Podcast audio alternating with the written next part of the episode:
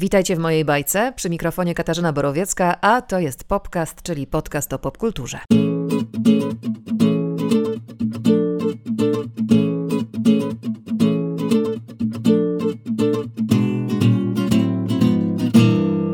Rok obfitujący w wydarzenia i tutaj stawiam trzy kropki. W miejsce tych kropek wy możecie sobie wstawić te wydarzenia, które wyryły się w waszej pamięci, a ja z mojej prywatno-zawodowej listy wymienię, no nie może być inaczej, rozwój podcastu. Wszystkim słuchaczkom, wszystkim słuchaczom, którzy dołączyli do mnie w tym roku bardzo dziękuję i zapraszam po więcej. A ukłon i serdeczne podziękowanie wysyłam też e, szczególne bardzo w stronę patronek i patronów podcastu. Expecto! To, że w ten sposób postanowiliście mnie wesprzeć na patronite.pl jest dla mnie dużym zobowiązaniem. Podcast można znaleźć na SoundCloud, Spotify, iTunes, w aplikacji podcasty, od niedawna także na Empik Go i oczywiście na moim kanale na YouTube. A w podcaście można znaleźć mnóstwo tytułów, y, które wciągają i które nas kręcą, a także mnóstwo nazwisk ludzi, którzy działają na naszą wyobraźnię. A przy okazji opowiadania o popkulturze, o współczesnych mitach, o współczesnym Olimpie, o fabrykach snów i fabrykach obrazów z napisami w dymkach, zdarza nam się opowiadać o współczesnym świecie w wielu jego przejawach.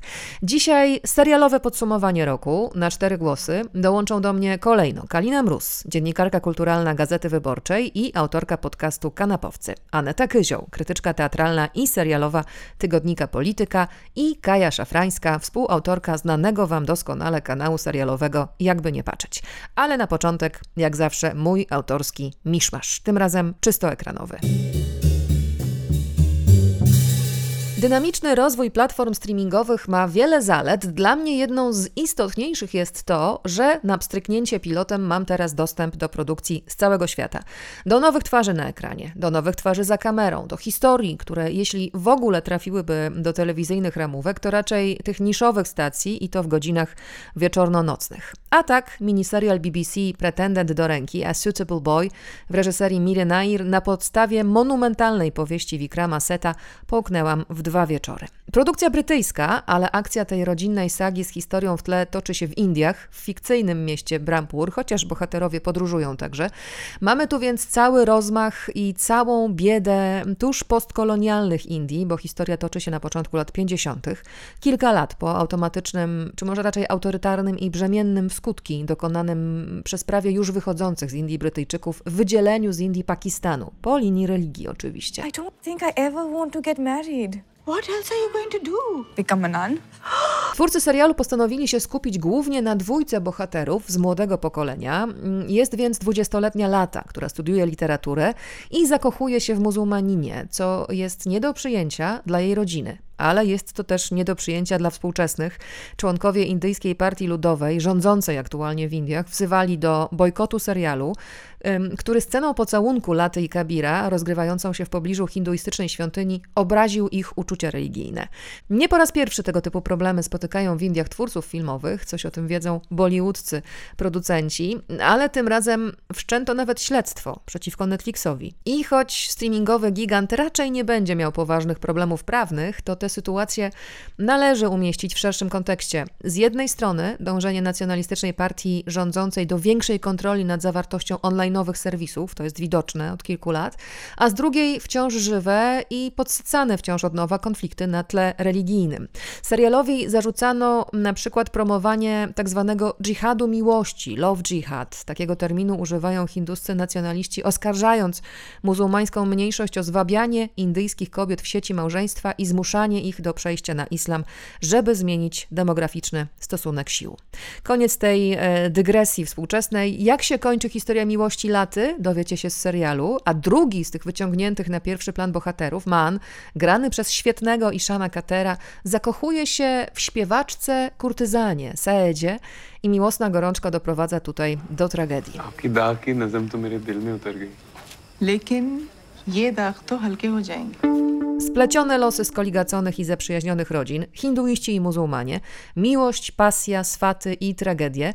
Z recenzji tego serialu można wyczytać, że nie jest to ekranizacja w 100% spełniona. No ale trudno ponad 1300-stronicową powieść przenieść na ekran, nawet w sześciu odcinkach, więc niektórzy bohaterowie blakną, niektórzy aktorzy kompletnie są niewykorzystani.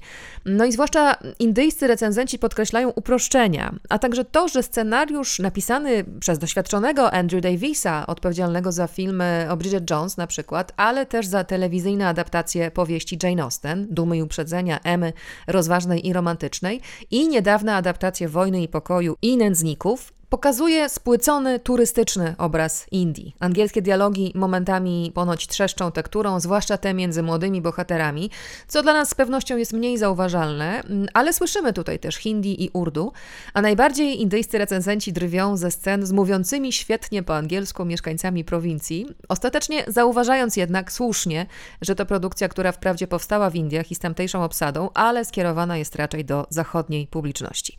Do tych uwag indyjskich krytyków Jana marginesie dodam jeszcze swoją, związaną z polskim tłumaczeniem. W jednym z odcinków lata bohaterka bierze udział w studenckim przedstawieniu. Wybór repertuaru jest klasyczny, bo to jest Szekspir w komediowym wydaniu Twelfth Night, czyli po polsku Wieczór Trzech Króli. Tymczasem w polskim tłumaczeniu bohaterowie utrzymują, że grają dwunastą noc. Hm. To był moment z cyklu Boro na tropie. Obsada serialu Pretendent do ręki jest znakomita. Tempo opowieści e, spokojne, raczej retro. Komizm przeplata się z dramatem i ja jako przedstawicielka zachodniej publiczności, mimo wad seriala Wam polecam, bo oprócz widoczków są tu też prawdziwe emocje, a obejrzawszy te produkcje zapragniecie więcej. Być może to wrażenie świetne potęguje także znakomita muzyka, bo Saedę, tę kurtyzanę, śpiewaczkę gra znakomita aktorka aktorka tabu, ale jej pieśni wykonuje wokalistka, kompozytorka, śpiewająca także od lat w kinie Kavita Seth. A muzykę do serialu skomponowali Alex Hefes i Anuszka Shankar. To jest jeszcze jedno nazwisko, które przyciąga. Gdybyście mieli ochotę na dłuższą wizytę w Indiach po obejrzeniu pretendenta do ręki, to kolejna propozycja, tym razem współczesna historia, ale też ze swatami w tle, mismatched, a dla pragnących jeszcze więcej, swaty także w wydaniu reality show. Małżeństwo po indyjsku pokazuje, jak współcześnie wygląda proces aranżowania e, małżeństwa. Jak mówi bohaterka programu, swatka Sima Taparia z Bombaju, w Indiach nie mówi się małżeństwo aranżowane. Jest małżeństwo i małżeństwo z miłości. Hi. Hi. Um, my name's Kumail. yeah, we know. Yeah, we saw you perform. A gdybyście chcieli poznać perspektywę Amerykanina pakistańskiego pochodzenia na aranżowane małżeństwo i małżeństwo z miłości. Komedia, podobno romantyczna, przynajmniej taka była strategia marketingowa polskiego dystrybutora, a w każdym razie zabawna, mądra, świetnie napisana, świetnie zagrana i inspirowana życiem. I tak Cię kocham. The Big Sick, Kumaila Nanjiani i Emily Gordon. E, to jest ich historia, prawdziwa, a na ekranie Kumail Nanjiani gra samego siebie, a Emily gra Zoe Kazan. Jeszcze jeden tytuł, właściwie spółki Guilty Pleasure, świeża, bo świąteczna premiera Bridgertonowie. Tutaj też chodzi głównie o swaty, ale w Anglii okresu regencji. Bridgertonowie pochodzą z Shondalandu. Shonda Rhimes to twórczyni chirurgów, skandalu i sposobu na morderstwo, królowa telewizji, więc i u Bridgertonów jest lekko, w miarę zabawnie, niezbyt głęboko, jest dużo ładnych ludzi, dużo emocji, dużo romansu, ale też sporo wdzięku. Historyczny, dość umowny kostium tego serialu pochodzi z serii książek Julie Quinn, liczącej 8 tomów. Nie ma jeszcze potwierdzenia, ale i serial z pewnością na jednym sezonie się nie zakończy. Zgromadzono e, bardzo ciekawą obsadę. Jest tutaj na przykład znana z Derry Girls irlandzka aktorka Nicola Kahlan, jest e, Polly Walker, jest parę bardzo interesujących nowych twarzy, no i jest globalne zainteresowanie tym serialem. Jest też parę niespodzianek na ścieżce dźwiękowej i też parę kontrowersji, między innymi związanych z kolorem skóry niektórych bohaterów. Te kontrowersje oczywiście ze strony historycznych purystów, nie czujących zapewne zabawy konwencją czy wariacji na temat, bo równie dobrze można byłoby się przyczepić do tego, że balowe choreografie niewiele mają wspólnego z tańcami z początku XIX wieku. No chyba, że tym purystom chodzi o zupełnie inny rodzaj czystości. Mr. Bridgerton, I believe you owe me a dance this evening. A jeśli chodzi o muzykę z Bridgertonów, tę, do której pląsają na balach. Parę przykładów znajdziecie na mojej nowej playliście na Spotify pod hasłem Popcast Borowiecka czasem gra.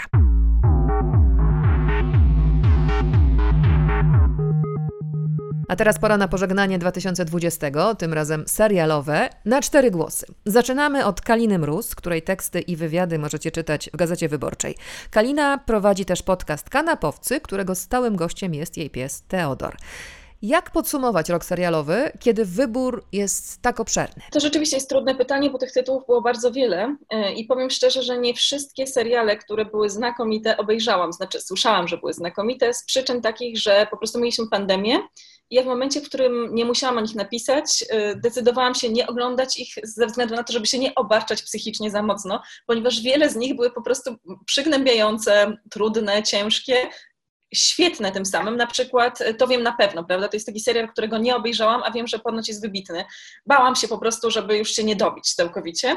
E, też mogę cię zniszczyć serial, który jest wybitny, e, bardzo eksperymentalny, bardzo ważny, dotyka wielu sfer na temat gwałtu, łamie tabu, jest bardzo autorski. Obejrzałam go do połowy, ponieważ dla mnie to było jednak w tym momencie seans zbyt trudny, psychicznie zbyt dołujący, zbyt obciążający żebym chciała z własnej woli po prostu dalej to ciągnąć, szczerze mówiąc. Natomiast zamierzam do niego wrócić i bardzo go doceniam i polecam, jeżeli ktoś czuje się mocny, czuje się silny i nie, jakby nie jest przytłoczony rzeczywistością wystarczająco, y, żeby, żeby sobie dać z tym spokój. Ale jeżeli chodzi o moich faworytów, bo jak wiadomo, oczywiście rankingi są trudne, każdy ma inne zdanie, każdy trochę inaczej różne rzeczy ocenia, no to muszę powiedzieć, że na pewno to są normalni ludzie. Y, Leniego Abrahamsona, tego reżysera, który zrobił na przykład Franka albo Pokój i był za niego nominowany do Oscara na podstawie książki Sally Rooney. E, to jest bardzo kameralny irlandzki serial, ciche kino, jak sam Lenny Abrahamson o tym mówił, czyli coś zupełnie przeciwnego do pewnego typu seriali, do których jesteśmy przyzwyczajeni, bo ostatnio te seriale są zrobione z wielkim rozmachem, bardzo efektownie, bardzo formalnie. A tutaj mieliśmy coś zgoła innego, taki serial nakręcony z dużą wrażliwością, spokojnie, koncentrujący się na bliskich ujęciach, na zbliżeniach twarzy, na uczuciach, na doskonałym, wyśmienitym aktorstwie pary bardzo młodych aktorów, wcześniej nieznanych. Także no, na mnie normalni ludzie zrobili gigantyczne wrażenie i zauważyłam, że ten serial w ogóle się szalenie ludziom podoba, co, co też było ważne. A z takich z kolei bardziej zrobionych, no już takich mega produkcji, które znamy, jeżeli chodzi o kontynuację, no to myślę, że The Crown było czymś takim, co nas y, dosyć mocno powaliło na kolana. Głównie ze względu na to, że oparto akcję na czterech aktorkach, y, z których każda była doskonała. Cztery postacie: królowa Margaret Thatcher, księżna Diana i Małgorzata, czyli oczywiście Helena Bonham Carter, Gillian Anderson, Emma Corrin, debiutantka grająca Dianę i Olivia Colman oczywiście w roli królowej Elżbiety. Te cztery aktorki po prostu zrobiły no, niesamowity show, aktorski koncert. Do tego wzięto y, elementy z historii, które są nam znane, które doskonale pamiętamy. Myślę, że osoby przynajmniej, które pamiętają lata 90., no to, to dokładnie już wiedzą o co chodzi i końcówkę lat 80., bo wszystkie skandale związane z Dianą, y, to, to było coś niesamowitego. No i Margaret Thatcher, prawda, legendarna postać y, z Gillian Anderson. A cóż, oprócz tego, no, jeżeli chodzi o kontynuację, no to w moich, wśród moich faworytów był Nowy Papież, na pewno to jest w ogóle Młody Papież, to jest dla mnie arcydzieło skończone, serial spełniony, Paulo Sorrentino. Dziwiłam się, zdziwiłam się, że ta kontynuacja się udała, a się udała. E, mimo że wydawała mi się wcale niekonieczna. E, natomiast John Malkowicz po prostu był wybitny. To uniwersum, które stworzył Paulo Sorrentino, odrealnione w, w świecie Watykanu, natomiast to jest całkowicie nierealistyczna opowieść. Nadal robi ogromne wrażenie i też ma duży bardzo ładunek taki w pewnym sensie publicystyczny, ale nie pouczający jakby. To jest, to jest bardzo ciekawe u Sorrentina, że on odnosi się do Feliniego pod wieloma względami, bazuje na pewnej abstrakcji, yy, mówi nam coś o problemach między innymi kościoła czy kryzysu duchowości, ale robi to w taki sposób nie łopatologiczny, tylko bardzo subtelny, przewrotny i ciekawy. To jest kolejna rzecz wielka. E, a propos jeszcze innych seriali, takich jeżeli chodzi o nowości. E, no to to jest też jeden z moich faworytów absolutnych. Królewski serial o Katarzynie Wielkiej z Elle Fanning w roli głównej i Nicolasem Hultem, który gra Piotra III i małżonka niesfornego. Jest to całkowita fantazja, e, komedia, taka czarna, czarna, bardzo ironiczna, sarkastyczna, wisielcza komedia tak naprawdę o, o przesłaniu feministycznym, o emancypowaniu się, o wyzwalaniu się z patriarchatu. bardzo dowcipna i bardzo mi się podobało to, że scenarzysta, który pisał faworytem, nic sobie kompletnie nie robił e, właśnie z realiów historycznych, z prawdy historycznej, tylko nabudował na niej swoją prawdę bardzo współczesną. Więc to było fenomenalne. A z takich ważnych jeszcze rzeczy, mniej, mniej znanych, powiedziałabym, mniej głośnych, za to bardziej kameralnych, za to bardzo ciekawych, to dla mnie był serial Tacy właśnie jesteśmy, Luki Guadagnino, przepiękny, przepiękny serial o dojrzewaniu, wchodzeniu w dorosłość, o przekraczaniu granic, o jakby dochodzeniu, do, dojrzewaniu do odkrycia własnej tożsamości e, seksualnej, płciowej. E, bardzo taki transgresyjny serial. E, trochę taka powiedziałabym odpowiedź na euforię w pewnym sensie, to znaczy opowieść o dojrzewaniu, ale nie w taki brutalistyczny sposób, tylko różne odcienie szarości są tam pokazane. To jest wszystko bardziej stonowane, jest tam i ciężar, i piękno, i fascynacja młodością, i wielka radość, która z tej młodości płynie, i ta energia i wielka fascynacja Guadagnina po prostu ciałem też, cielesnością młodości, tą taką seksualnością. To coś wyjątkowego myślę, że na moim ekranie. I na koniec jeszcze dzień trzeci, to jest taki serial, którym chciałam wspomnieć, bo mi się on bardzo podobał. Jest niszowy jest, wydaje mi się, że za mało się o nim mówiło, jest trochę tak miknął niezauważenie, to jest horror zrealizowany mm, przez twórcę takiego serialu Utopia sprzed paru dobrych lat, na taki bardzo szalony, komiksowy serial, zwariowany, niepokojący, oryginalny niesamowicie. Dzień trzeci z Judem Law w roli w jednej z głównych ról, podzielony na dwie części, y, sześciodcinkowy horror o wyspie, kręcono go na prawdziwej brytyjskiej wyspie Ozzy, co też jest bardzo ciekawe, malutka wysepka odizolowana. No, serial o wielu, wielu problemach, o żałobie, ale też o takich radykalizujących się nastrojach separatystycznych, y, nawiązując oczywiście do Brexitu. Jest tam trochę też o Trumpie, trochę o Borisie Johnsonie, ale wszystko w bardzo niepublicystyczny sposób, za to bardzo innowacyjny, bardzo oryginalny i nawiązujący bardziej do folkowej kultury i, i, i katolickiej jednocześnie też. Y, bardzo dużo tam jest obrzędów, a na dodatek był odcinek specjalny, na żywo kręcony na tej wyspie z udziałem Judello, taki teatr w zasadzie, tak naprawdę teatr antropologiczny y, relacjonowany na żywo. Nigdy czegoś takiego jeszcze w telewizji nie widzieliśmy, ani w związku z serialem, taki, tego typu odcinka. To też było szalenie ciekawe i eksperymentalne i, i bardzo mi się podobało to wszystko, to wszystko razem. No także tak, to, to, jest takie, to są takie moje ulubione rzeczy w tym roku.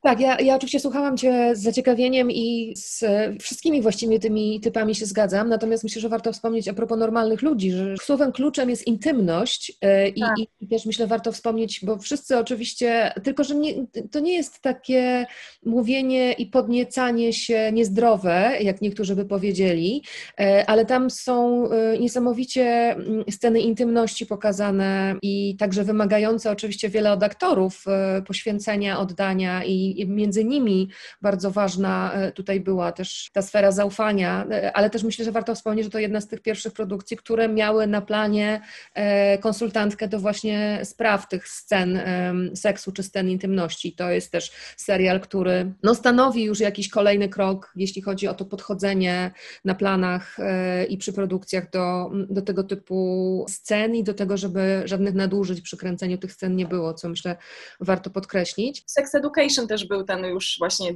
ten reżyser intymności, tak zwany, ta mhm. postać, która koordynuje te sceny i pilnuje, żeby tam było wszystko ok i nie było żadnych rzeczy w stylu Too, prawda? To, to, się, to się rzeczywiście wydarzyło. Ale też te sceny w normalnych ludziach są bardzo z klasą zrobione, prawda? One są, widać, że tam nie ma nadużyć. To jest wszystko takie bardzo subtelne, mimo wszystko, mimo że szalenie intymne jednocześnie. Tak, a z kolei jeszcze jeśli chodzi o The Crown, to oczywiście tutaj cała ta plejada niesamowitych nazwisk, jeśli chodzi o starsze pokolenie, starsze, no powiedzmy średnie, e, ale wspomniałaś o Emie Corin, ale tam przecież też e, błyszczy e, Josh O'Connor, prawda, w roli księcia Karola. Rzeczywiście ten czwarty sezon, który obejmuje już dekadę, którą wszyscy mniej więcej pamiętamy, to wzbudził na nowo wszystkie przygaszone już e, dużym, dużą robotą, też taką PR-ową, ale nie tylko oczywiście, bo też czas leczy rany, kontrowersje wokół chociażby księcia Karola i Camille Parker Bowles i, no i para książęca musiała zrezygnować ze swojego konta na Twitterze, o ile dobrze pamiętam, prawda? Bo to, to jest też wpływ tego na rzeczywistość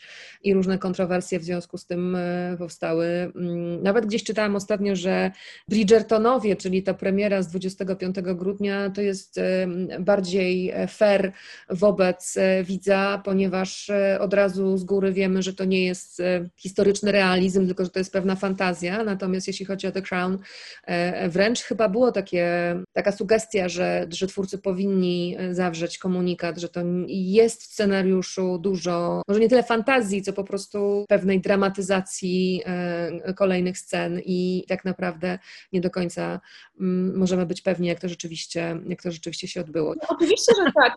Na, tam jest na Netflixie też jest dokument na temat rodziny królewskiej, więc jeżeli ktoś chciałby się dowiedzieć naprawdę faktów na temat rodziny królewskiej, bardzo konkretnych rzeczy, a nie interpretacji historii, którą jest The Crown. To jest artystyczna interpretacja pewnej biografii tak naprawdę, nie wiem, czy konieczne są ostrzeżenia na ten temat. Mi się wydawało to zawsze dosyć oczywiste, że jeżeli oglądam film biograficzny, to to jest zawsze jakiś, jakaś forma fantazji, interpretacji, nadużycia, jakaś forma żerowania na czyimś życiu, żeby być może opowiedzieć o jakimś problemie niekoniecznie o tej osobie, bo wydaje mi się, że fabula, fabuła na temat y, czyjegoś życia w ogóle nigdy nie odda prawdy. To jest z, z zasady nie, niemożliwe, a nawet dokument odda tylko część prawdy. To jest zawsze oparte na jakichś mediach, na jakimś zapośredniczeniu. Ale oczywiście, jeżeli ktoś chce się dowiedzieć prawdy o księciu Karolu, więcej przynajmniej prawdziwych, prawdziwych informacji, no to polecam bardzo serdecznie taki dokument o rodzinie królewskiej właśnie na Netflixie rozbudowany, bo tam są bardzo ciekawe rzeczy. Jest cały odcinek o księciu Karolu, on jest bardzo ekologicznie zaangażowany przede wszystkim, y, był bardzo progresywny jak na, na tą rodzinę, y, od, naprawdę bronił uchodźców między innymi, no rzeczywiście angażował się politycznie, co nie jest tam przyjęte, y, w taki sposób bardzo emancypacyjny powiedziałabym, ale oczywiście, że tak, on jest tam rzeczywiście pokazany w The Crown jako postać negatywna, mimo że aktor go broni, próbuje go bronić, ale no nie, nie do końca mu to jest, jest w stanie mu to wyjść bo tam a twórcy stoją po stronie Diany zdecydowanie, mhm. ale trzeba rzeczywiście pamiętać, że to jest czysta fantazja, ten, ten meta ładunek jest tam najważniejszy, prawda? To, to jest rzeczywiście bardzo kobiecy serial, broniący kobiet, stojący po stronie kobiet, feministyczny. Z tego to mam wrażenie wszystko trochę wynika, e, ale nie można tego brać za lekcję historii, absolutnie. To jest interpretacja historii. Jasne, ale jeszcze, e, no, ja chciałam tylko po prostu jeszcze podkreślić, że dla mnie Josh O'Connor jest jakimś odkryciem tutaj. Oczywiście widzieliśmy go na początku roku na ekranie, ten kto zdążył, to zdążył w Emie, mm -hmm. Autumn the Wild. Tak, tak, to znakomita rola. Odrażający Ale, był tam. Tak, jest to aktor o naprawdę wielkim e, potencjale, zarówno komediowym, jak i dramatycznym i rzeczywiście na pewno o nim usłyszymy, jak również o Emie Corrin, która no. błyszczy w tym czwartym sezonie e, The Crown i, i mam nadzieję, że w jakichś flashbackach będzie w piątym e, sezonie powracać, bo przecież już Elizabeth Dębicki przejmuje tę rolę od piątego sezonu. No ale dobrze, zostawmy to na razie. Chciałam Cię jeszcze zapytać o rozczarowania, bo jednak takie też zdarzają, a zwykle jest tak, że jeżeli, jeżeli rozmawiamy rozmawiamy o jakichś naszych oczekiwaniach, spotykamy się na przykład pod koniec roku i mówimy, spotkałyśmy się też pod koniec zeszłego roku i rozmawiałyśmy o tym, na co najbardziej czekamy i co będzie najbardziej emocjonujące w 2020. Nie wszystko się sprawdziło oczywiście, ale też pewne rzeczy, no, mały ekran raczej nie został tak bardzo dotknięty, a wręcz e, rozwinęły skrzydła platformy streamingowe i serwisy VOD. Natomiast jeśli chodzi o te serialowe tytuły, na które bardzo czekałaś, e, na które liczyłaś, a jednak nie spełniły Twoich oczekiwań, coś tutaj się pojawiło takiego? Powiem szczerze, że trochę mnie rozczarowały drugie mroczne materie, bo do tej pory jeszcze nie wkręciłam się w nie tak, jak chciałam. Próbuję oglądać, ale jeszcze mi się bardzo podobały. Akurat w ogóle ta idea daimonów, ja jestem osobą bardzo związaną ze zwierzętami, bardzo kocham zwierzęta i zawsze, no i ta cała fantazja, całe to przesłanie na temat religii, bardzo takie, mm, powiedziałabym, ambitne też. To jest oparte na zresztą znakomitych książkach. Serial jest oparty na rewelacyjnych, rewelacyjnych książkach, książkach dla młodzieży a ten, te drugie mroczne materie jakoś tak są dla mnie trochę topornie, mam wrażenie, napisane i jakoś tak nie mogę się zaangażować w oglądanie, więc to jest coś, co, co mnie rozczarowało, bo na to bardzo, bardzo czekałam. E, mam na razie mam mieszane uczucia, akurat nie mogę powiedzieć, że miałam tu jakieś wielkie oczekiwania, ale mam mieszane uczucia co do polskich produkcji, bo to są chyba takie dwie rzeczy, na które rzeczywiście, które budzą szczególnie dużo emocji. Na pewno czekaliśmy z zainteresowaniem na Króla i na Osiecką, na te dwa seriale e, polskie. Osiecka dopiero się pojawiła, e, natomiast Króla już widzieliśmy w całości. No i tutaj mam wrażenie, na początku dwa pierwsze odcinki, zwłaszcza drugi, bardzo mi się podobały. Potem było już trochę gorzej. Akurat tutaj muszę przyznać, że, że, że na początku byłam bardzo entuzjastycznie nastawiona do tej produkcji, potem, potem jakoś, jakoś mniej mnie to angażowało, jakoś tak zauważyłam różne realizacyjne rzeczy, które mnie drażniły. E, więc nie jest to dla mnie do końca spełniony, spełniony serial, e, taki, którego się spodziewałam. E, no a jeżeli chodzi o Osiecką, no to nie będę wyrokować, bo dopiero się to zaczyna w swoim gatunku, w swojej konwencji jest to serial, jakiego się spodziewałam, tak bym to ujęła. To znaczy pewna taka, szko taka szkolna, prosta wiadomo, spłycająca ten życiorys, taka po, po, ślizgająca się po wierzchu pewnych rzeczy, pewnych wydarzeń. Natomiast realizacyjnie nie, nie jest zrobiona najgorzej, tak bym to ujęła, ale zobaczymy, co będzie dalej. Na pewno ten serial nabrał w moich oczach rumieńców od kiedy się pojawił Chłasko, bo to, że Eliza Rycembel jest znakomitą aktorką, to wszyscy wiemy i ona w tej roli również jest świetna i wyciąga z tej postaci ile się da, ale, ale rzeczywiście dla mnie takim aktorskim odkryciem jest Jędrzej Hycnar, czyli brat młodszy Marcina Hycnara, który zagrał Marka Chłaskę i rzeczywiście fantastyczny jest ten chłopak w tej roli. I widziałam go też w serialu Kontrola, o może też wspomnijmy o takim fenomenie jak serial Kontrola na YouTubie, a propos polskich rzeczy, stworzony przez 20-letnich po prostu studentów Warszawskiej Szkoły Filmowej, który doczekał się ponad 30 milionów odsłon na całym świecie i milionów, milionów fanów na całym świecie y, fantastyczny serial LGBT, który właśnie pojawił się odcinek y, świąteczny, w którym właśnie Jędrzej Hycnar występuje. Bardzo fajny odcinek świąteczny. Młodzi ludzie jako pierwsi w Polsce zdecydowali się e, przedstawić nam postać transgenderową. To jest niesamowite, zagraną właśnie e, przez młodego e, operatora. Także no to jest, to jest bardzo, bardzo, bardzo wszystko piękne i ciekawe. I... Przepraszam, że ci wchodzę w słowo, ale musi to w takim razie jeszcze paść nazwisko reżyserki i scenarzystki Nataszy tak, tak. która na, Natasza za ten sukces. Fantastyczna dziewczyna, bardzo zdolna. Ona pisze scenariusz do tego serialu i go reżyseruje. Filip Pasternak, operator też tak samo młody, no, trochę starszy, on ma 25 lat, ona ma 20, też przepiękne zdjęcia są, więc na to też warto zwrócić uwagę naprawdę w tym serialu, bo to, to bardzo dużo robi, robi ta strona wizualna. Także tak, no Natasza myślę, że jest po prostu kobietą roku w pewnym sensie, bo, bo teraz jest rozchwytywana całkowicie, wszyscy chcą z nią robić wywiady, wszyscy chcą poznać, z nią rozmawiać bo naprawdę Kontrola to jest serial, który wyrósł z czystej pasji, bez budżetu, po prostu ja poznałam tych ludzi, tą ekipę, która, która za kontrolą stoi i jestem tymi młodymi ludźmi oczarowana po prostu, ile oni mają w sobie odwagi, pasji, radości tworzenia i osiągnęli coś niesamowitego właśnie w ten sposób, taką, tak bardzo w niewykalkulowany sposób, naturalny i piękny. No wspaniale, wspaniałe to jest. I prześcignęli po prostu odwagą o wiele, wiele starszych filmowców. Także to jest wspaniałe. Ale także pomysłowością, bo pamiętam, że kiedy oglądałam pierwszy odcinek kontroli, to zastanawiałam się, na którym lotnisku to powstawało, a potem przeczytałam, że to gdzieś w instytucie jakimś, powiedzmy, na, teraz mówię zupełnie z pamięci i mogę się pomylić, ale Instytut Chemii Przeszklone chodziło o to, żeby to no, otworzyć jakoś. Udało się to tak zrobić, że e, jesteśmy wszyscy przekonani, że to jest lotnisko i to, i to rzeczywiście e, każdy pion tutaj, myślę, zdał egzamin nawet nie na piątkę, ale na szóstkę, bo, bo, bo faktycznie i ogląda się to znakomicie, no ale też reakcja na świecie i to w jaki sposób te liczniki rosną tej produkcji, to po prostu będziemy pewnie niecierpliwie oczekiwać na to, co od Nataszy Parzymiec dostaniemy w następnej kolejności. Jak już skończy szkołę, a może jeszcze przed skończeniem szkoły? Drugi sezon się kręci kontroli. To był Wydział Politechniki w ogóle, tak, tak. Aha, to, to, to, tak, tak. Drugi no, sezon kontroli się kręci, a potem zobaczymy. No. Jasne. A największa niespodzianka na koniec? Największa niespodzianka, czekaj, niech się zastanowię, y, co mnie tak mocno, mocno zaskoczyło w tym roku. A wiem, już wiem, oczywiście. Dla mnie największą niespodzianką, y, jeżeli chodzi o seriale, to było to, że mi się spodobał ostatni taniec. Bo ja jestem osobą, która nigdy nie oglądałam ani jednego meczu koszykówki Nigdy i kompletnie. Natomiast dorastałam w latach 90., to były lata przypadające na czas mojej podstawówki e, i pamiętam doskonale, jak moi koledzy ze szkoły i koleżanki obklejały sobie plakatami pokoje e, Michaelem Jordanem, Denisem Rodmanem, Magiciem Johnsonem, tymi wszystkimi ogromnymi gwiazdami NBA włączyłam sobie ostatni taniec, nie wiem dlaczego, chyba właśnie, żeby zobaczyć, a w sumie przypomnę sobie, o co chodziło z tym Michaelem Jordanem, no, jakby dlaczego on był taki, taki, taki ważny wtedy, król, film z królikiem Baxem, wszyscy pamiętamy, byliśmy w kinie na nim, więc włączyłam i przepadłam, przepadłam na całe wieczory, ponieważ cofnęłam się mentalnie do lat 90. Dawno żaden serial, nie, nie, nie odbyłam dzięki żadnemu serialowi tak wspaniałej podróży sentymentalnej rzeczywiście przypomniały mi się te wszystkie emocje, naprawdę związane, związane z Chicago Bulls, kiedy oni byli tymi wielkimi gwiazdami. Nawet kiedy się nie oglądało meczów koszykówki, y, to, to mimo wszystko to były bardzo ważne wtedy postaci. Ja poczułam znowu no, smak gumy Donald w ustach i, i naprawdę brawo, otworzyłam się przed oczami i te wszystkie emocje, mimo że to jest ponoć hagiografia. Mówię ponoć, ponieważ nie znam się na koszykówce na tyle, żeby to stwierdzić, ale wszyscy, którzy się znają, mówią, że Michael Jordan tam jest bardzo jakby wybielony, zwłaszcza w porównaniu z kolegami, którzy nie są tak przedstawieni w tak jasnych barwach ale mimo wszystko jest to serial zrobiony z takim rozmachem, y, z taką, jest to przez taki serial petarda, taki, który się ogląda naprawdę z dużym zaangażowaniem, bardzo dużo energii w tym jest, jakiegoś takiego realizacyjnego rozmachu, który wciąga, wciąga na wiele godzin i to mnie zaskoczyło, że ja jestem w stanie się tak wciągnąć w serial o tematyce, która mnie kompletnie w zasadzie teoretycznie nie obchodzi. Więc można.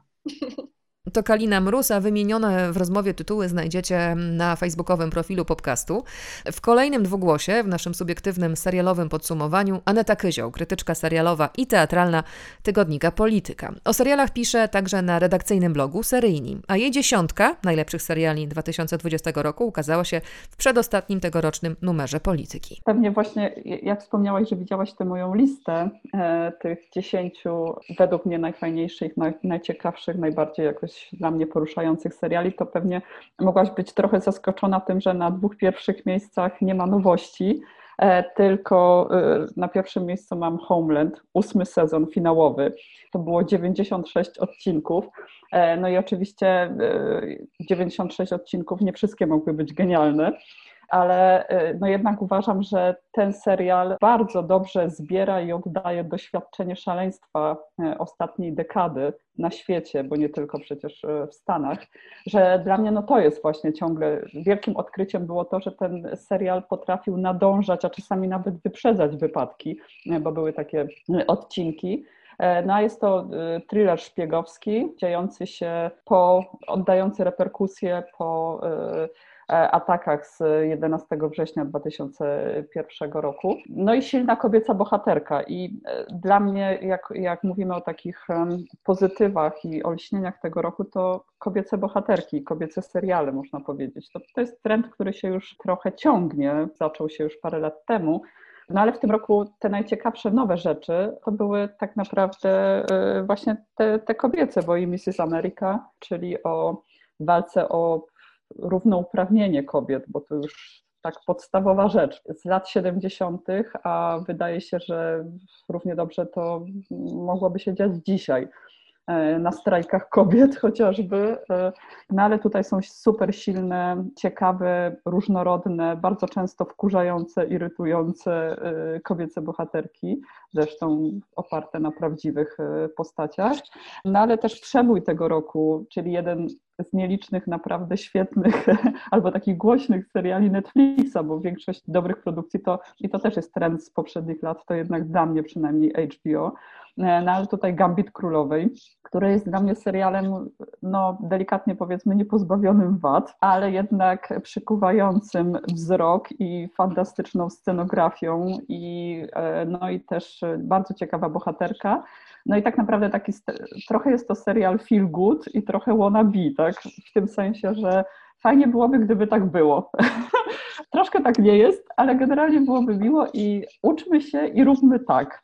Więc y, pod tym względem uważam, że naprawdę jest to y, fajny serial szkoleniowy, edukacyjny, więc y, na pewno to bym wskazała, ale też świetne były albo bardzo dobre adaptacje literatury, bo na przykład Patria, prawda, serial hiszpański o konsekwencjach podziałów nacjonalistycznych tutaj w państwie Basków i post ETA, e, no ale jak sobie pomyślimy o tym, co się dzieje u nas, nie mówię jeszcze o zamachach i mam nadzieję, że długo nie albo wcale nie będziemy o tym mówić, ale, e, no ale mamy obraz głęboko podzielonego społeczeństwa, które próbuje te rany i podziały jakoś zakopać i, i żyć wspólnie. A wszystko to na, na przykładzie dwóch bliskich sobie rodzin, więc y, naprawdę świetna, świetna rzecz i, i, i świetna realizacja y, literatury.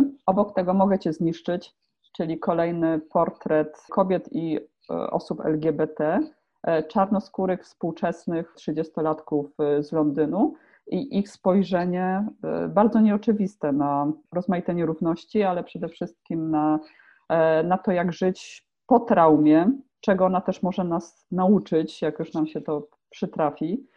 Więc jakby opowieść nie skupiająca się na samym wydarzeniu, które spowodowało traumę, ale na tym, jak się z tego wychodzi, jakie wnioski można wyciągnąć i, i tak dalej. Bardzo, bardzo ciekawe, niejednoznaczne i E, i też kobiece, no bo napisała to świetna, e, młoda i pisarka, i aktorka, i piosenkarka e, londyńska, więc generalnie też taki serial z kobiecej perspektywy. No więc dla mnie to są takie, takie rzeczy, ale Better Call Saul zawsze na propsie.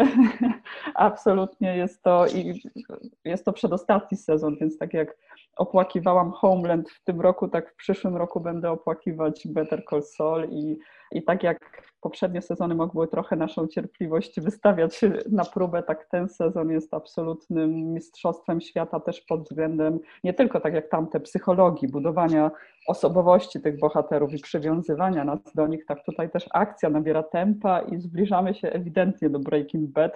Punkt breaking jest już tutaj bardzo blisko. No i też nieoczekiwanie chyba kobieca bardzo silna bohaterka. Może jestem monotematyczna, pewnie trochę tak, e, z, tym, z tą kobiecością na ekranie, ale wydaje mi się, że to był taki i ciągle jest taki najświeższy element e, serialowy, chociaż no, dobrych ról męskich nie brakowało chociażby Mark Ruffalo, prawda? Jasne. I ja muszę powiedzieć, że mogę Cię zniszczyć.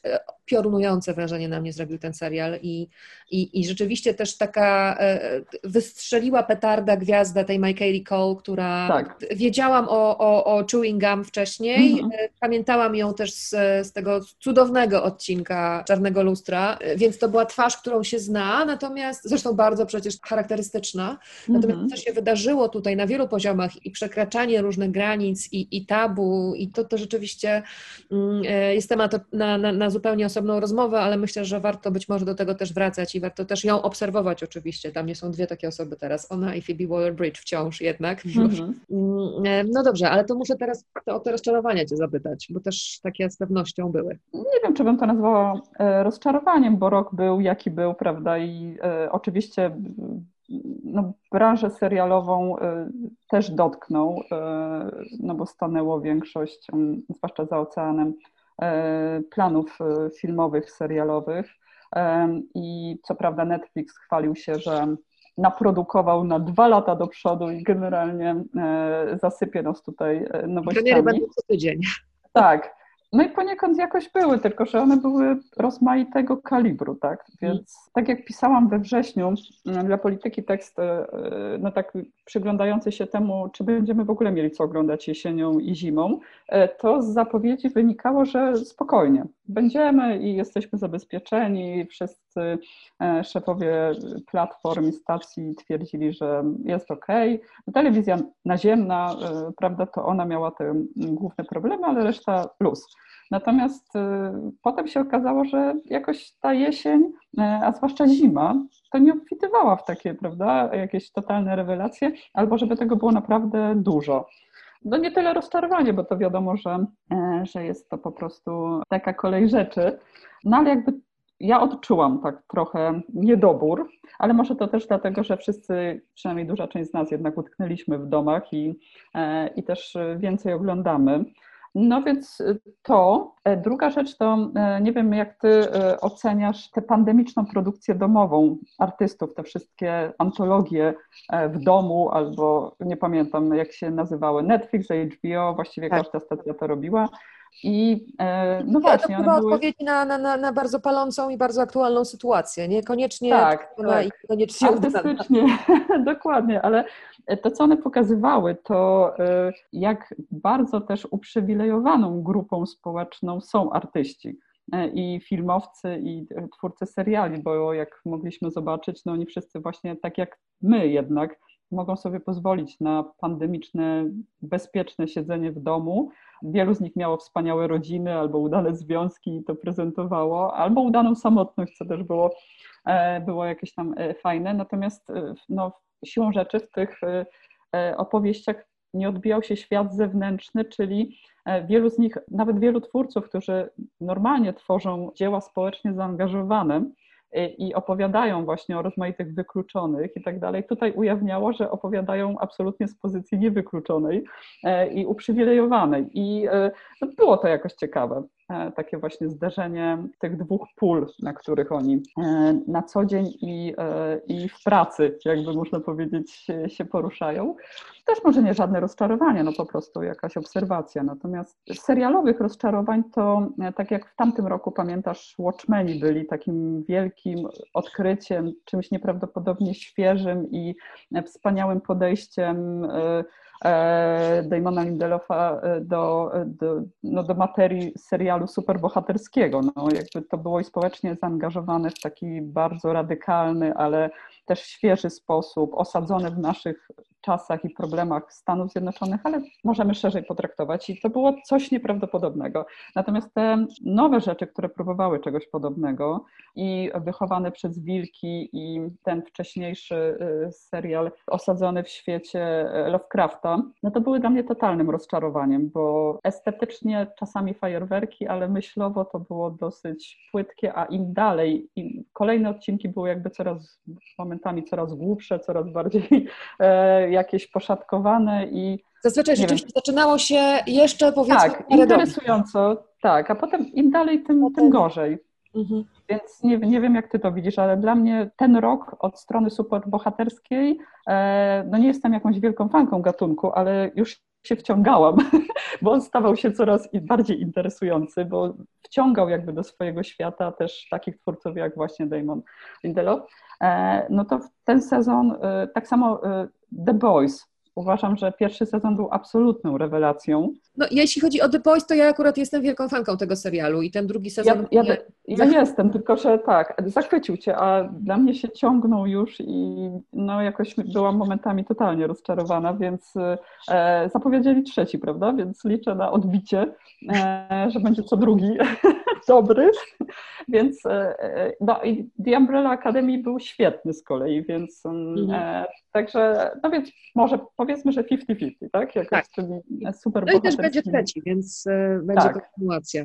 No jeśli chodzi o to super bohaterskie, to chyba te dwa tytuły trzymają poziom mhm. i rzeczywiście budzą oczywiście też dużo emocji, bo mają sporą promocję i tak dalej, i tak mhm. dalej, ale, ale faktycznie jest to coś, co, e, co się pojawia. No a jeśli chodzi o jakieś takie rzeczy, które cię, których się nie spodziewałaś, a jednak objawiły się w tym roku, to coś ci przychodzi do głowy? Wiesz co, chyba dla mnie zaskoczenie, bo ja nigdy nie byłam fanką tych gal rozmaitych typu Emmy, Oscary, Złote Globy, jakoś mnie to ani nie porywało jako impreza, ani też no jakoś nie daje się oczarować, mimo że wiem, że to jest może trochę idiotyczne, ponieważ mm, sami mamy paszporty polityki, tak, i mamy nagrody kulturalne i mamy nominujących, e, redakcje i no, traktujemy bardzo poważnie swoją własną nagrodę, więc pewnie powinnam też poważnie traktować e, inne gremia, które wybierają, tak? czyli Emmy, właśnie Złote Globy i, i Oscary, ale no jakoś nie do końca poważnie, poważnie ten cały biznes i to Vanity Fair, e, które się toczy wokół, e, wokół tego, traktuję ja muszę Ci poważnie. powiedzieć, że mam większe zaufanie do paszportów polityki niż do Oscarów Emmy, a zwłaszcza do Złotych Globów. A właśnie, dzięki. No więc, e, a w tym roku po raz pierwszy naprawdę te EMI, czyli pandemii, zwane, e, naprawdę zrobiły na mnie takie bardzo dobre i ciepłe wrażenie, bo mimo, że to było dwukrotnie zapośredniczone, bo mieliśmy i te kamery, które prezentowały, a jeszcze dodatkowy ekran, bo ci wszyscy e, nominowani i laureaci byli w swoich domach, nie wiem, na swoich podwórkach, ogródkach, czasami w hotelach, więc no było to podwójnie zapośredniczone, a paradoksalnie było dużo bardziej bezpośrednie niż zwykle, kiedy, kiedy mamy tylko te transmisje ze sceny i wszyscy w tych tych galowych strojach i sobie prawią te dusery i, i opowiadają, jak to zawód aktora jest olbrzymim powołaniem, prawda, i czyni świat lepszym i tak dalej. Wszystkie te komunały, które trudno znieść, ale w tym pandemicznym roku naprawdę ludzie kultury, artyści i wszyscy, którzy stoją za tymi kamerami, producenci, wszyscy, którzy powodują, że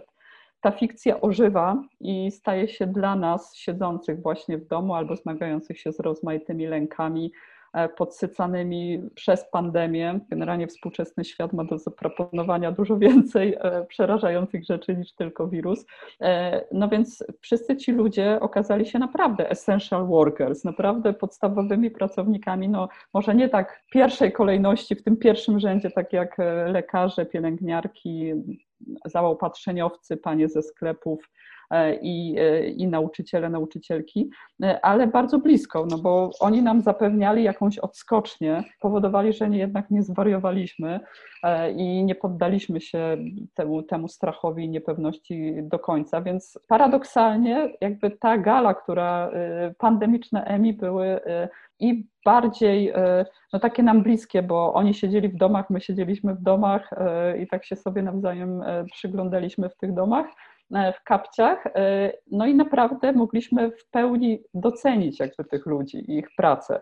E, bez tych wszystkich komunałów nie tyle uczynili świat lepszy, co znośniejszy do, do przeżycia w ostatnich miesiącach. I dla mnie to było jakieś zaskoczenie, no bo oczywiście oglądałam to też tak trochę z zawodowych powodów, no bo przygotowujemy się do paszportów polityki, do naszej gali i też jeszcze nie do końca wiemy, jak ją E, zrobić. E, warunki pandemiczne, reżimy się zmieniają z dnia na dzień, e, więc jakby staramy się dostosować i no też oglądałam jak to może wyglądać, taka właśnie podwójnie zapośredniczona gala. No i mi się całkiem, całkiem udało i też tak od strony uczuć można powiedzieć, że byliśmy jakoś tak bliżej siebie. Kolejnych laureatów paszportów polityki poznamy zapewne na początku 2021 roku. Przypominam też, że lista tytułów, o których rozmawiamy dzisiaj, jest na facebookowym profilu podcastu. Te od Anety Kyzioł także. A teraz pora na spotkanie z Kają Szafrańską, którą znacie doskonale z kanału serialowego Jakby nie patrzeć. Co Kaję w tym roku na małym ekranie zachwyciło? To jest ogólnie trudne pytanie, dlatego że ten rok był zaskakująco dobry, zaskakująco ciekawy i zaskakująco niszowy też w pewnym sensie. Mówiąc, że 2020 rok y, był dobry, to też oczywiście mówię tylko o serialach, bo, bo pod każdym innym względem dobry nie był. Ja y, pewnie oryginalna szczególnie nie będę, mm, ale mam trzy tytuły miniseriali, które zrobiły na mnie ogromne wrażenie. Pierwszy to jest I Know This Much Is True, czyli To Wiem Na Pewno. To jest ekranizacja powieści Walliego Lamba, Mark Ruffalo w fenomenalnej podwójnej roli. Serial absolutnie przygnębiający, a jednocześnie też opowiadający o ogromnej przemianie. Serial, który nie wybrzmiał w tym roku ze względu na to, że miał to nieszczęście, że debiutował w momencie, kiedy zaczynały się lockdowny i amerykańscy krytycy przejechali się po nim straszliwie, przede wszystkim skupiając się na jego tym takim bardzo przygnębiającym klimacie, więc on przegrał przez to, że był smutnym serialem w smutnym czasie, więc, e, więc to był jego ogromny pech, a sam serial jest y, moim zdaniem fenomenalny prawie się o nim nie wspomina. Teraz czeka na mnie książka do przeczytania, bardzo, bardzo obszerna, ale nawet już nie odnosząc się do tego, na ile ekranizacja y, była udana, no to po prostu sam serial był udany, sama opowieść była udana. E, drugi tytuł to. Mm, zaraz już powiedziałam o I Know This Much Is True. Teraz czas na i may destroy you, czyli mogę cię zniszczyć. Ogólnie 2020 rok ja zapamiętam e, przede wszystkim jako rok seriali o bardzo długich tytułach, które same w sobie są jakąś informacją, już, już jakimś komunikatem, bo ten trzeci serial, który zaraz wymienię, również jest takim e, zdaniem oznajmującym. E, tutaj mamy I May Destroy You, czyli taki serial bardzo z jednej strony kameralny, z drugiej strony bardzo mocny i nowatorski. Serial, którego absolutnie nie da się okiełznać. Stworzony przez Michaela Cowell e, twórczynię, e, która do tej pory kojarzyła się nam przede wszystkim z rolami, bo ona przede wszystkim jest aktorką, a tutaj ten serial stworzyła właściwie, to jest serial autorski i w nim zagrała główną rolę. Ja przyznam, że pierwsze odcinki, które zobaczyłam, nie zrobiły na mnie jakiegoś szczególnie pozytywnego wrażenia. Raczej tak się skrzywiłam, myślę sobie, już to widziałam. To jest taka brytyjska, mocna e, produkcja po bandzie, a jednocześnie e, przerażająco aktualna, przerażająco naturalistyczna i przerażająco prawdziwa, opowiadająca o gwałcie i jego konsekwencjach, ale dotykająca po drodze też bardzo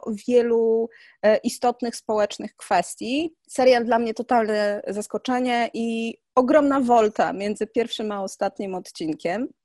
A trzeci serial to już powiedziałam, że będzie całym zdaniem kolejny tytuł, to jest We Are Who We Are, czyli tacy właśnie jesteśmy. Ja zawsze się gubię w tych polskich wersjach tych złożonych anglojęzycznych tytułów, czyli tacy właśnie jesteśmy. Serial stworzony przez Lukę Guadagnino, e, reżysera, którego znamy z, przede wszystkim z takich filmów o miłości, o fascynacji, takich e, filmów, które przede wszystkim się karmią młodością i tą młodość eksplorują. I tutaj też mamy eksplorację miłości, ale też przy okazji mamy e, eksplorację miłości, młodości, e, a także trochę komentarz do bardzo różnych kwestii społeczno-politycznych, bo to jest serial, który się rozgrywa tuż przed wyborami prezydenckimi w Stanach Zjednoczonych i właściwie już tuż przed, w trakcie i po, w których e, prezydentem został Donald Trump.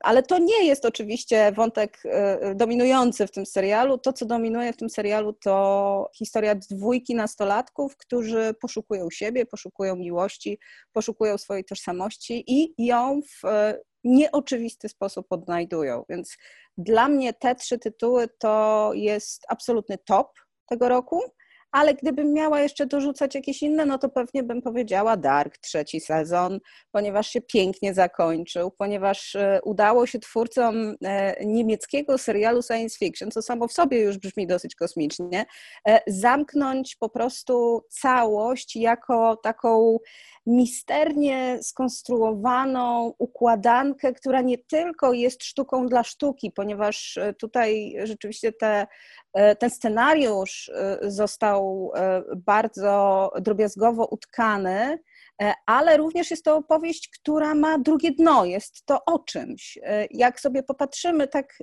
w metaskali, to nagle się okazuje, że to jest opowieść o czymś, że ci bohaterowie przechodzą swoje przemiany w jakimś celu, że tam temu wszystkiemu przyświeca jakaś głębsza myśl i to bardzo, bardzo mocno doceniam. W serialu, który został też świetnie nakręcony, dobór obsady to już jest w ogóle Mistrzostwo Świata. Także y, jeśli chodzi o y, seriale powracające, to Dark zdecydowanie bardzo, bardzo duże osiągnięcie. Wspomniałaś o tej fantastycznej podwójnej roli Marka Ruffalo i wspomniałaś o obsadzie serialu Dark, więc y, narodziło się dodatkowe pytanie w mojej głowie. Ja już się przyzwyczaiłam do tego, że nie dzielę y, tego, co widzę na ekranie, na to, co widzę na wielkim ekranie, na to, co widzę na małym ekranie, mm. bo mały ekran od wielu lat dostarcza nam i twórcy nam dostarczają absolutnie zjawiskowych rzeczy i także obsady. Y, czasami ci aktorzy, których widzimy na dużym ekranie się pojawiają, ale też mnóstwo fantastycznych twarzy, często nowych twarzy, nieopatrzonych, które, które dzięki też platformom streamingowym z nieanglojęzycznych części świata widzimy w serialach. Przychodzą Ci do głowy jakieś takie olśnienia aktorskie, jeśli chodzi o role, które w tym roku zobaczyłaś? Bo mnie akurat to będzie anglojęzyczne, ale mnie z kolei się tutaj przypomina um, Des i David Tennant, który e, no, mhm. coś nieprawdopodobnego zrobił e, w, w tym trzyodcinkowym miniserialu o, o, o seryjnym seryjnym mordercy.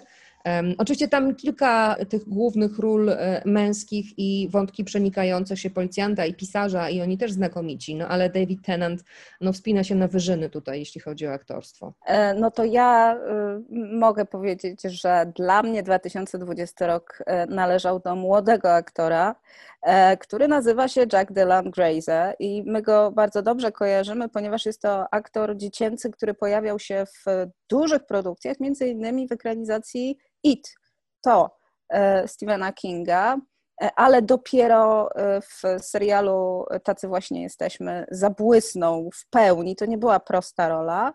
I no, ja jestem nim zachwycona, chociaż jest to bohater odrażający na swój sposób, ale został zagrany z taką lekkością, z taką charyzmą nieprawdopodobną. On się nazywał Fraser, w, w serialu my nazywaliśmy go również T-shirt, ponieważ tak go nazywali równolatkowie w serialu. Więc dla mnie tak, 2020 rok to jest zdecydowanie rok t-shirta i nie mogę się doczekać, aż zobaczę tego chłopaka w kolejnych e, ambitnych, e, przełomowych rolach. No dobrze, to teraz, skoro już porozmawiałyśmy o tym, co było super, to porozmawiajmy też o rozczarowaniach, bo z pewnością nie wszystko to, na co czekałyśmy bardzo i co budziło nasze wysokie oczekiwania, te oczekiwania mm, e, spełniło, więc o rozczarowania też muszę zapytać. Ojej, e, no ja mam takie dwa seriale, e, nad którymi planuję się we własnym podsumowaniu trochę poznęcać. Pierwszy z nich to jest The Undoing, serial wyprodukowany przez Nicole Kidman, z Nicole Kidman i Hugh Grantem w rolach głównych, więc wszystko jest tak bardzo mm, wysadzane brylantami, że wydawałoby się, że to się nie może nie udać, szczególnie, że to jest taki serial, który należy do gatunku zapoczątkowego, takiego podgatunku zapoczątkowanego przez Wielkie Kłamstewka. To są te takie kryminalno-obyczajowe opowieści, e, ale takie pełne e, blichtru, ale takiego eleganckiego eleganckiego blichtru, więc no to nie jest e, Shonda Rhimes, tylko raczej jest to właśnie taka e, bardzo ambitna opowieść dla osób mieszkających w Kalifornii w pięknych willach. I tutaj, co prawda, nie jesteśmy w Kalifornii, tylko w Nowym Jorku, ale mamy historię kompletnie oderwaną od rzeczywistości na bardzo, bardzo wielu poziomach. Ona jest wręcz absurdalna przez to wszystko, co w sobie ma, e, jest tam Nicole Kidman, która niestety gra oczami wyłącznie i to na dużych zbliżeniach. Nosi też bardzo ładne płaszcze i te płaszcze wiele osób zauważyło, odnotowało ich e, obecność w serialu. Nawet widziałam gdzieś jakiś top e, płaszczy Nicole Kidman w The Undoing, bo to jest serial, który się też świetnie obejrzał to musimy pamiętać. Mamy Hugh Granta, który niby gra poza e, swoim charakterem, no bo on zazwyczaj jest obsadzany raczej w innych rolach. Tutaj jest e, kontrowersyjnym charakterem, tak to ujmę, żeby nikomu nie spoilerować, chociaż nie namawiam do oglądania tego serialu. Jest to też serial przecudownie oderwany od realiów roku 2020, ponieważ on w ogóle opowiada e, historię uprzywilejowanych amerykańskich bogaczy, którzy jakby żyją poza rzeczywistością. I właśnie na tym tle rozgrywa się wielki dramat osobisto-kryminalny. Nie będę już nawet wchodziła w to, jak bardzo absurdalna jest ta historia kryminalna, ale no, jak dla mnie jest to kuriozum. Jest to kuriozum, które obejrzałam w całości, ale chyba już w pewnym momencie e, ciekawość zamieniła się w taki klasyczny hate watching. Natomiast drugi tytuł e, to jest tytuł, który z kolei nawet tutaj hate watching mi nie wyszedł, bo w pewnym momencie po prostu odpadłam, już nie byłam w stanie. I to jest serial Away z Hilary Swank w roli astronautki, która wyrusza e, w kosmos i pozostawia na Ziemi swojego męża i córkę i e, mam wrażenie, że ona poleciała w ten kosmos i nie zdążyła wyłączyć prania. To jest, o, to jest taka obyczajowa, łzawa, absolutnie pozbawiona jakiejkolwiek logiki historia, która miała dotykać takiego realnego problemu, że kobieta przede wszystkim mamy stereotypową, ale niby nie stereotypową kobietę, no bo jednak astronautka e, i tutaj to mąż pełni e, obowiązki e, domowe, ale ona mimo wszystko w tym kosmosie musi ogarniać wszystkie problemy. Oczywiście jak ona tam leci w ten kosmos, to za, musi się tak zajmować bardzo nieprzygotowanymi psychologicznie i psychicznie członkami załogi, którzy tam w tym kosmosie rozgrywają jakąś dynastię i jednocześnie właśnie musi tam mówić mężowi, tam wyłącz pranie, zrób zakupy, ktoś tam zaczyna od razu chorować i ona tak ogarnia przez ten telefon satelitarny tam cały czas. Jest to coś tak nieprawdopodobnie głupiego, że ja nie byłam w stanie przez to przebrnąć. O zgrozo dostało drugi sezon, więc to są moje dwa ogromne rozczarowania, e, które jednocześnie wiem, że się obejrzały. Więc, więc no jakby tutaj idę na przekór trendom. Jeśli chodzi o uh, The Undoing, to zgadzam się z Tobą we wszystkim. Oprócz, Bo to jest produkt. Jeszcze oprócz płaszcza ja bym wymieniła sukienki Nicole bardzo fajną sukienkę w pierwszym odcinku na przyjęciu. Bardzo miała fajną sukienkę. Ale rzeczywiście u mnie też to był hate watching i też obejrzałam to w całości, ale już bardziej właśnie po to, żeby zobaczyć i żeby się utwierdzić tak już w 180% w tym swoim przekonaniu, że to się do niczego nie nadaje. Jest... No jest tam Donald Sutherland, to można ewentualnie... Ale on je zupę, cały czas Tak, je zupę. właśnie. To jest tak, w każdym ujęciu, w którym jest, je zupę. Tak. No może tam oprócz finałów, w finale nie je zupy, ale tam jest tak, że każdy ma swoje jakieś stałe czynności, które wykonuje w tym serialu. Um, wiesz co, ja sobie jeszcze tak myślę a propos tych tytułów, które wymieniłam i twojej odpowiedzi, że to są chyba seriale, które zostały w pewnym sensie skonstruowane na podstawie algorytmów. Bo to, co też e, chyba się już wydarza bardzo mocno w tej branży serialowej, no to ten wyścig, który owszem, troszkę wyhamował w 2020 roku przez to, że no, mieliśmy pandemię i wszystko stanęło na głowie, wymusił na platformach przede wszystkim, które zawsze tam bardzo mocno cisnęły, żeby dostarczać jak najwięcej nowego kontentu, e, pewną powtarzalność. Tutaj akurat prym wiedzie Netflix, który e, wręcz się chwalił tym, że te algorytmy będą decydowały o tym, co będą realizowali. No i wydaje mi się, że Away jest serialem z algorytmu i w pewnym sensie The Undoing też jest serialem z algorytmu, dlatego że jak mówię, on pasuje idealnie do tego, co zostało ustanowione przez Wielkie Kłamstewka i później powstały seriale, które w jakiś sposób nawiązywały do tych e, kategorii, takiego właśnie serialu powiedzmy dla klasy średniej z amerykańskich przedmieść. Cieszę się, że się zgadzamy. E, Tak, ale jeszcze, tak. jeszcze niespodzianka została. tak bym powiedziała, że I May Destroy You było dla mnie jakąś e, niespodzianką, dlatego że jak mówię, był to serial, który mi się początkowo nie podobał. E, I początkowo myślałam sobie, a, nie będę tego oglądała. To jakiś kolejny zmanierowany brytyjski serial, który będzie epatował, a potem się okazało, że jest po prostu fenomenalny, więc trzeba dawać drugą szansę i trzeba czasami wytrzymać. Było kilka takich seriali, z którymi miałam po, na początku problem, a potem jak się przełamywałam, to się okazywało, że są wybitne. Um, i w tym wypadku właśnie tak było. Natomiast, kurczę, jeszcze się zastanawiam, co mnie aż tak bardzo zaskoczyło w tym roku. Na pewno zaskoczył mnie, no dobrze powiem, to Gambit Królowej. Może nie powinnam mówić o tym serialu, ponieważ o nim i tak już wszyscy mówią, więc y, czemuż miałabym go po raz kolejny promować. Ale zaskoczył mnie tym, że była to przyjemna przygoda. E, miałam ten serial w screenerach, miałam go sobie obejrzeć przedpremierowo, tak jakoś nie bardzo się za to zabierałam. E, jakiś kolejny serial, nie wiem, z jakimś z Dorocińskim, zresztą w cameo. Czy ja naprawdę chcę to oglądać? No i w momencie, kiedy to odpaliłam, to już wiedziałam, że chcę to oglądać i że obejrzę to w całości bardzo szybko. To nie jest serial wybitny, ale jest to serial tak przyjemny, że, e, że się go po prostu połyka. I to przyjemne w kontekście serialu o alkoholiczce, która e, nie radzi sobie ze swoim życiem, no, no przyjemny, mimo wszystko przyjemny.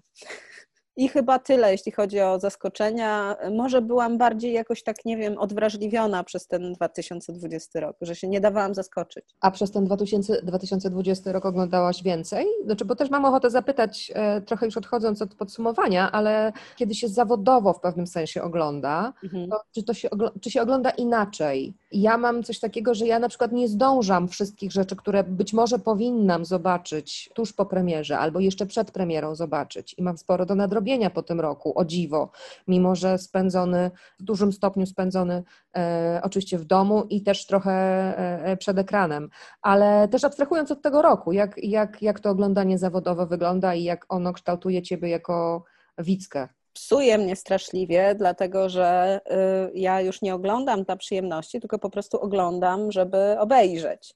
To jest wiedza, którą po, po prostu muszę mieć. I to trochę rzeczywiście y, pozbawia przyjemności, takiej czystej przyjemności z oglądania dla, dla siebie.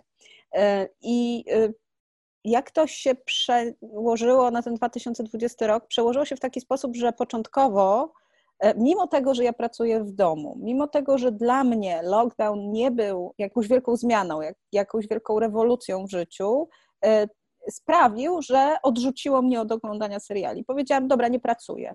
No to jak nie pracuję, to co będę robiła? Książki zaczęłam czytać, bo zwykle nie mam czasu na czytanie książek, bo muszę oglądać seriale. I to była dla mnie forma odpoczynku. To zawsze robię, jak mam urlop, jak, jak jadę na wakacje, po prostu książki, a nie oglądanie. E, więc ja oglądałam mniej niż oglądałabym normalnie. Narobiłam sobie oczywiście zaległości, tylko że w moim przypadku nie ma tak, że ja mogę czegoś nie obejrzeć, a to i tak muszę później nadrobić, więc skoro oglądałam mniej wcześniej, to później musiałam obejrzeć więcej. Poza tym e, ja dla przyjemności oglądam filmy. To też jest tak, że y, skoro już się wyspecjalizowałam w tych serialach, jest to strasznie ograniczające jednak, a jednocześnie bardzo konsumuje czas, ponieważ seriale jednak wymagają najwięcej naszego czasu. Więc jak już y, mam wolny wieczór, to po prostu oglądam sobie film e, i teraz na przykład robimy sobie powtórki z różnych e, filmów sprzed bardzo, bardzo wielu lat. E, to też jest na swój sposób odświeżające, plus można też się dopatrzeć tam mnóstwa tropów, które później powtarzane są i przetwarzane na wszelkie możliwe sposoby w serialach, jak na przykład ostatnio jest taki serial Industry, czyli branża, HBO. E, serial, który przyznam się szczerze, że nie wiem, co o nim myśleć. Obejrzałam go od pierwszego do ostatniego odcinka. Mam wrażenie, że ma aspiracje, żeby być kolejną sukcesją, tyle tylko, że o po prostu ludziach pracujących w banku inwestycyjnym, e, ale jest to tak naprawdę jeden do jednego film pod tytułem Wall Street. Stworzył pewien wzorzec, do którego twórcy serialu Industry bardzo mocno nawiązują. Kaja Szafrańska, jakby nie patrzeć. A co nas czeka w roku 2021? Jeśli chodzi o seriale, oczywiście. Pozwólcie, że wyciągnę szklaną kulę po tym, jak pandemia przerwała zdjęcia do bardzo oczekiwanych kontynuacji, wygląda na to, że to będzie rok kolejnych sezonów Stranger Things, Sukcesji i Euforii. Przypomnę, że przed nami jeszcze premiera drugiego z odcinków specjalnych Euforii, to pod koniec stycznia.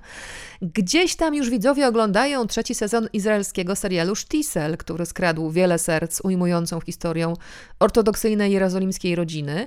Gdzieś tam e, widzowie oglądają też czwarty sezon francuskiego Smakołyku, gdzie jest mój agent o paryskiej agencji agencji aktorskiej, jej pracownikach i ich podopiecznych, czyli gwiazdach. W czwartym sezonie pojawiają się gościnnie m.in. Charlotte Gainsbourg, Sigourney Weaver czy Jean Reno i na te premiery y, bardzo czekam. Na platformę Disney Plus jeszcze w Polsce poczekamy też, nie wiadomo jak długo, ale szykuje się tam do lotu kolejna eskadra superbohaterów. Apple TV dostarczy drugi sezon The Morning Show i pewnie czeka nas jeszcze wiele, wiele niespodzianek. Idzie wiosna, powoli, ale idzie. Podcast oczywiście będzie się rozwijał. Od stycznia równolegle z moją piątkową audycją w Radiu 357. Audycja będzie nosić tytuł Ekranizacja. To będą dwie godziny o wszystkim, co na ekranach. Na żywo między 14 a 16, a potem do odsłuchu jako podcast. Słyszymy się w 2021. Muzykę do podcastu zapewnił po starej znajomości Łukasz Borowiecki. A ja nazywam się Katarzyna Borowiecka. Życzę Wam dużo dobrego. Bądźcie zdrowi, bądźcie sobą. Do usłyszenia. Niech moc będzie z Wami.